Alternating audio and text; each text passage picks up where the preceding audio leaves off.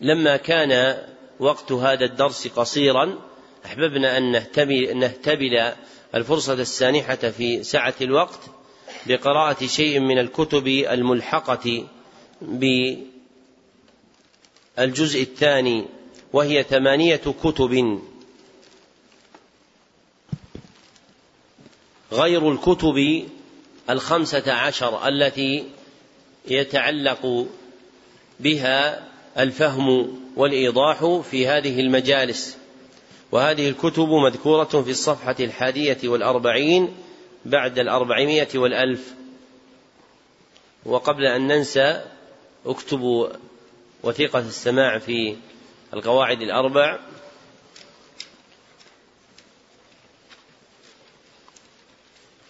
سمع علي جميع لمن حضر الجميع وبعض لمن فاته شيء ويضبط فوته.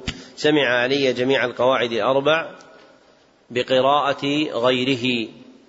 إلا القارئ يكتب بقراءة بقراءة غيره. صاحبنا فلان ابن فلان ابن فلان. فتم له ذلك في مجلس واحد. بالميعاد المثبت في محله من نسخته. بالميعاد المثبت في محله من نسخته. وأجزت له روايته عني إجازة خاصة من معين للمعين في معين.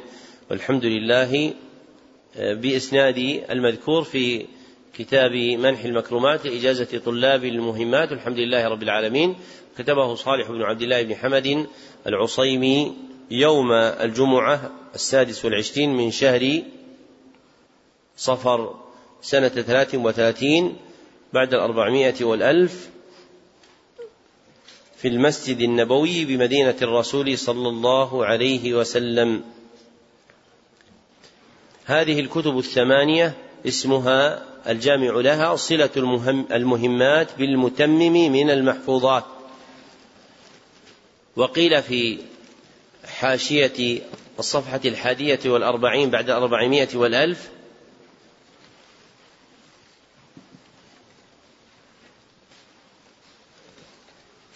ذكرت في هذه الصلة ما يزاد على مقررات مهمات العلم في الحفظ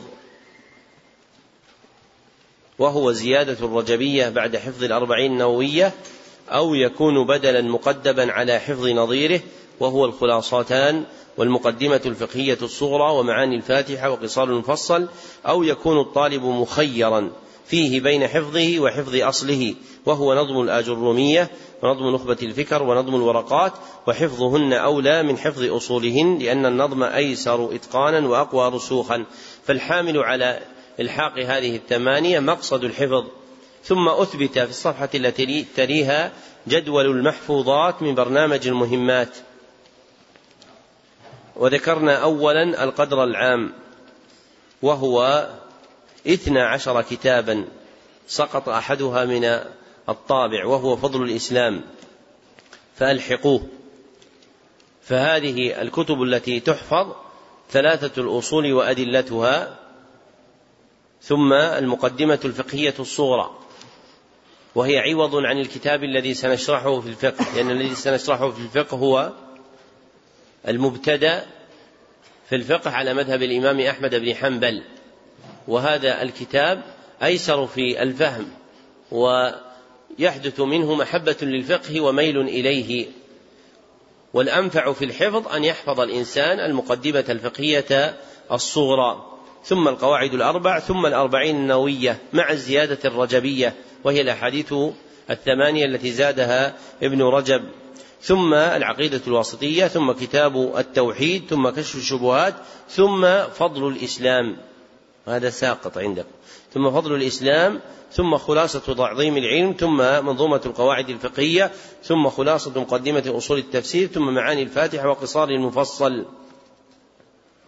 ثم ذكر القدر المخير فيه والمراد بالتخيير تخيير المتحفظ بين المنثور والمنظوم والأنفع حفظ المنظوم. الأنفع يعني في هذه ليس مطلقا.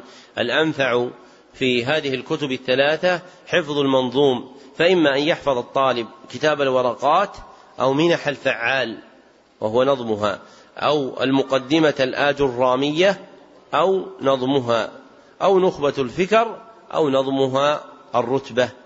فسنقرأ ما يتيسر من هذه الكتب قراءة سرد لتحصل لكم روايتها. وأما الشرح فهو متعلق بالمتون الخمسة عشر وفيها نظائر هذه الكتب. هذه الكتب إما مختصرات لبعضها أو نظائر لما فيها. نعم سم مقدمة فقه الصورة. الحمد لله رب العالمين والصلاة والسلام على أشرف الأنبياء والمرسلين وصلى الله وسلم على نبينا محمد وعلى آله وصحبه أجمعين. قلتم حفظكم الله وغفر لكم ولجميع الحاضرين والسامعين وعموم المسلمين. بسم الله الرحمن الرحيم. الحمد لله الذي فقه خير عباده في الشرائع وأوصل إليهم بفضله بدائع الصنائع وصلى الله وسلم على رسوله محمد وعلى آله وصحبه ومن لهديه تجرد.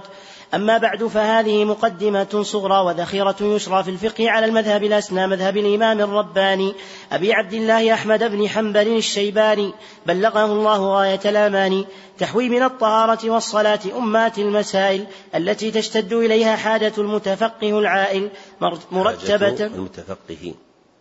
التي تشتد إليها حاجة المتفقه العائل. مرتبة في فصول مترجمة ومسرودة بعبارة مفهمة. والله أسأل أن يتقبل مني ويعفو عني وينفع بها المتفقين ويدخر أجرها عنده إلى يوم الدين. فص... أمات ليس خطأ طباعيا بل يقال أمات غالبا فيما لا يعقل وأمهات غالبا فيما يعقل. نعم. أحسن الله إليكم فصل في الاستطابة وهي الاستنجاء بماء أو بحجر ونحوه والاستنجاء هو إزالة نجس ملوث خارج من سبيل أصلي بماء أو إزالة حكمه بحجر ونحوه ويسمى الثاني استجمارا وهو واجب لكل خارج إلا من ثلاثة أشياء الريح والطاهر وغير الملوث ولا يصح استجمار إلا بأربعة شروط الأول أن يكون بطاهر مباح يابس منق غير محترم منق غير محترم كعظم وروث وطعام ولو لبهيمة وكتب علم والثاني أن يكون بثلاث مسحات إما بحجر ذي شعب أو بثلاثة أحجار تعم كل مسحة المحل فإن لم تنق زاد ويستحب قطعه على وتر. والثالث أن لا يجاوز الخارج موضع العادة والرابع حصول الإنقاء. والإنقاء بماء والإنقاء بماء عود خشونة المحل كما كان وبحجر ونحوه أن يبقى أثر لا يزيله إلا الماء وظنه كاف فصل في السواك وغيره وهو, وهو استعمال عود في أسنان ولثة ولسان. في أسنان. في أسنان ولثة ولسان نعم، لإذهاب. لثة, لثة بالتخفيف ولا يقال لثة بالتشديد. نعم. لإذهاب التغير ونحوه. فيسن التسوك بعود لين منق غير مضر لا يتفتت إلا لصائم بعد الزوال فيكره ويباح قبله بعود رطب ويستحب بيابس. ولم يصب السنة من استاك بغير عود ويتأكد عند صلاة ونحوها وتغير رائحة فم ونحوه. وسنن الفطرة قسمان الأول واجبة وهي ختان ذكر وأنثى عند عند بلوغ. ما لم يخف على نفسه وفعله زمن صغر أفضل. والثاني مستحبة وهي استحداد وهو حلق العانة وحف شارب أو قص طرفه وتقليم ظفر ونتف إبط. فإن شق حلقه أو تنور فصل في الوضوء وهو استعمال ماء طهور مباح في الأعضاء الأربعة الوجه واليدين والرأس والرجلين على صفة معلومة وشروطه ثمانية. الأول انقطاع ما يوجبه والثاني النية والثالث الإسلام والرابع العقل والخامس التمييز. والسادس الماء الطهور المباح والسابع إزالة ما يمنع وصوله إلى البشرة والثامن استنجاء أو استجمار قبله وشرط أيضا دخول وقت على من حدثه دائم لفرضه وواجبه التسمية مع الذكر وفرضه ستة وفروضه ستة. الأول غسل الوجه ومنه الفم بالمضمضة والأنف بالاستنشاق والثاني غسل اليدين مع المرفقين والثالث مسح الرأس كله ومنه الأذنان والرابع غسل الرجلين مع الكعبين والخامس الترتيب بين الأعضاء كما ذكر الله تعالى والسادس الموالاة بأن لا يؤخر غسل عضو حتى يجف العضو الذي قبله أو بقية عضو حتى يجف أوله بزمن معتدل أو قدره من غيره ويسقطان مع غسل مع ويسقطان مع غسل عن حدث أكبر. ونواقضه ثمانية. الأول خارج من سبيل مطلقا والثاني خروج بول أو غائط من باقي البدن قل أو كثر أو نجس سواهما إن فحش في نفس كل أحد بحسبه. والثالث زوال عقل أو تغطيته إلا يسير نوم من قاعد وقائم غير مستند ونحوه. والرابع مس فرج آدم مس فرج آدمي. مس فرج.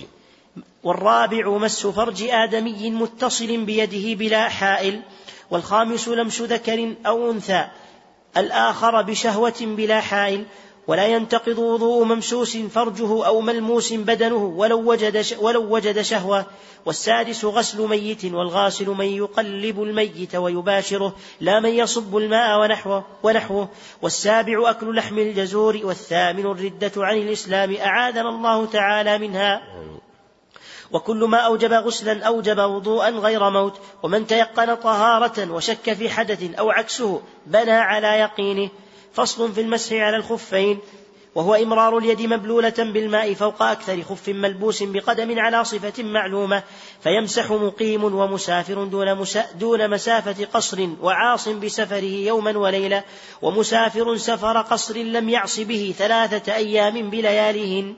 وابتداء المدة من حدث بعد لبس الخفين ويصح المسح على الخفين بثمانية شروط. الأول لبسهما بعد كمال طهارة بماء والثاني سترهما لمحل فرض والثالث إمكان مشي بهما عرفا والرابع ثبوتهما بنفسهما أو بنعلين. والخامس إباحتهما والسادس طهارة عينهما. والسابع عدم وصفهما البشرة والثامن أن لا يكون واسعا يرى منه بعض محل الفرض ويبطل وضوء من مسح على خفيه فيستأنف الطهارة. في ثلاثة أحوال الأول في, في ثلاث. في ثلاث أحوال الأول ظهور بعض محل الفرض والثاني ما يوجب الغسل والثالث انقضاء المدة. فصل في الغسل وهو استعمال ماء طهور مباح في جميع بدنه على صفة معلومة. وموجبات الغسل سبعة الأول انتقال مني ولو لم يخرج فإذا اغتسل له ثم خرج بلا لذة لم يعد. والثاني خروجه من مخرجه وتشترط لذة في غير نائم ونحوه. والثالث تغيب حشفة أصلية متصلة بلا حائل في فرج أصلي والرابع إسلام كافر ولو مرتدا أو مميزا والخامس خروج دم الحيض والسادس خروج دم النفاس فلا يجب بولادة عرت عنه ولا بإلقاء علقة أو مضغة لا تخطيط فيها والسابع موت موت. تعبدا. موت تعبدا غير شهيد معركة ومقتول ظلما وشروطه سبعة أيضا. الأول انقطاع ما يوجبه والثاني النية والثالث الإسلام والرابع العقل والخامس التمييز والسادس الماء الطهور المباح والسابع إزالة ما يمنع وصوله إلى البشرة وواجبه واحد وهو التسمية مع الذكر وفرضه واحد أيضا وهو أن يعم بالماء جميع بدنه وداخل الفم والأنف ويكفي الظن في الإسباغ. في الصفحة السادسة والخمسين. ويبطل وضوء من مسح على خفيه فيستأنف الطهارة في ثلاث أحوال. الأولى وليس الأول الأولى والثانية والثالثة لأن الحال مؤنث. صححوها الأولى والثانية والثالثة. نعم. أحسن الله إليكم فصل في التيمم. وهو استعمال تراب معلوم لمسح وجه ويدين على صفة معلومة وشروطه ثمانية الأول النية والثاني الإسلام والثالث العقل والرابع التمييز والخامس استنجاء أو استجمار قبله والسادس دخول وقت ما تيمم له والسابع العجز عن استعمال الماء إما لفقده وإما للتضرر بطلبه أو استعماله والثامن أن يكون بتراب طهور مباح غير محترق له غبار يعلق باليد وواجبه التسمية مع الذكر وفروضه أربعة الأول مسح الوجه والثاني مسح اليدين إلى الكوعين والثالث الترتيب والرابع موالاة بقدرها في وضوء ويسقطان مع تيمم عن حدث أكبر. ومبطلاته أربعة الأول مبطل ما, مبطل ما تيمم له والثاني خروج الوقت والثالث وجود ماء مقدور على استعماله بلا ضرر والرابع زوال مبيح له. فصل في الصلاة وهو وهي أقوال وأفعال معلومة مفتتح مفتتحة بالتكبير ومختتمة بالتسليم. وشروط الصلاة نوعان شروط وجوب وشروط صحة. فشروط وجوب الصلاة أربعة الأول الإسلام والثاني العقل والثالث البلوغ والرابع النقاء من الحيض والنفاس. وشروط صحة الصلاة تسعة الأول الإسلام والثاني العقل والثالث التمييز والرابع الطهارة من الحدث والخامس دخول الوقت والسادس ستر العورة بما لا يصف البشرة فعورة الذكر البالغ عشرا والحرة المميزة والأمة ولو مبعضة ما بين السرة والركبة وعورة ابن سبع إلى عشر الفرجان والحرة البالغة كلها عورة في الصلاة إلا وجهها وشرط في فرض الرجل البالغ ستر جميع أحد عاتقيه بلباس والسابع اجتناب نجاسة غير معفو عنها في بدن وثوب وبقعة والثامن استقبال القبلة والتاسع النية. فصل في أركان الصلاة وواجباتها وسننها وأقوال الصلاة وأفعالها ثلاثة أقسام. الأول ما تبطل الصلاة بتركه عمدا أو سهوا وهو الأركان والثاني ما تبطل الصلاة بتركه عمدا لا سهوا وهو الواجبات والثالث ما تبطل بتركه مطلقا وهو السنن. ما لا تبطل بتركه مطلقا وهو السنن. فأركان الصلاة أربعة عشر. الأول قيام في فرض مع القدرة والثاني تكبيرة الإحرام وجهره بها وبكل ركن وواجب بقدر ما يسمع نفسه فرض والثالث قراءة الفاتحة والرابع الركوع والخامس الرفع منه. والسادس الاعتدال عنه والسابع السجود والثامن الرفع منه والتاسع الجلوس بين السجدتين والعاشر الطمأنينة والحادي عشر التشهد الأخير والركن منه اللهم صل على محمد بعدما يجزئ من التشهد الأول والمجزئ منه التحيات لله. سلام عليك أيها النبي ورحمة الله. سلام علينا وعلى عباد الله الصالحين. أشهد أن لا إله إلا الله وأن محمدا رسول الله. والثاني عشر الجلوس له وللتسليمتين والثالث عشر التسليمتان وهو أن يقول مرتين السلام عليكم ورحمة الله ويكفي في النفل والجنازة تسليمة واحدة.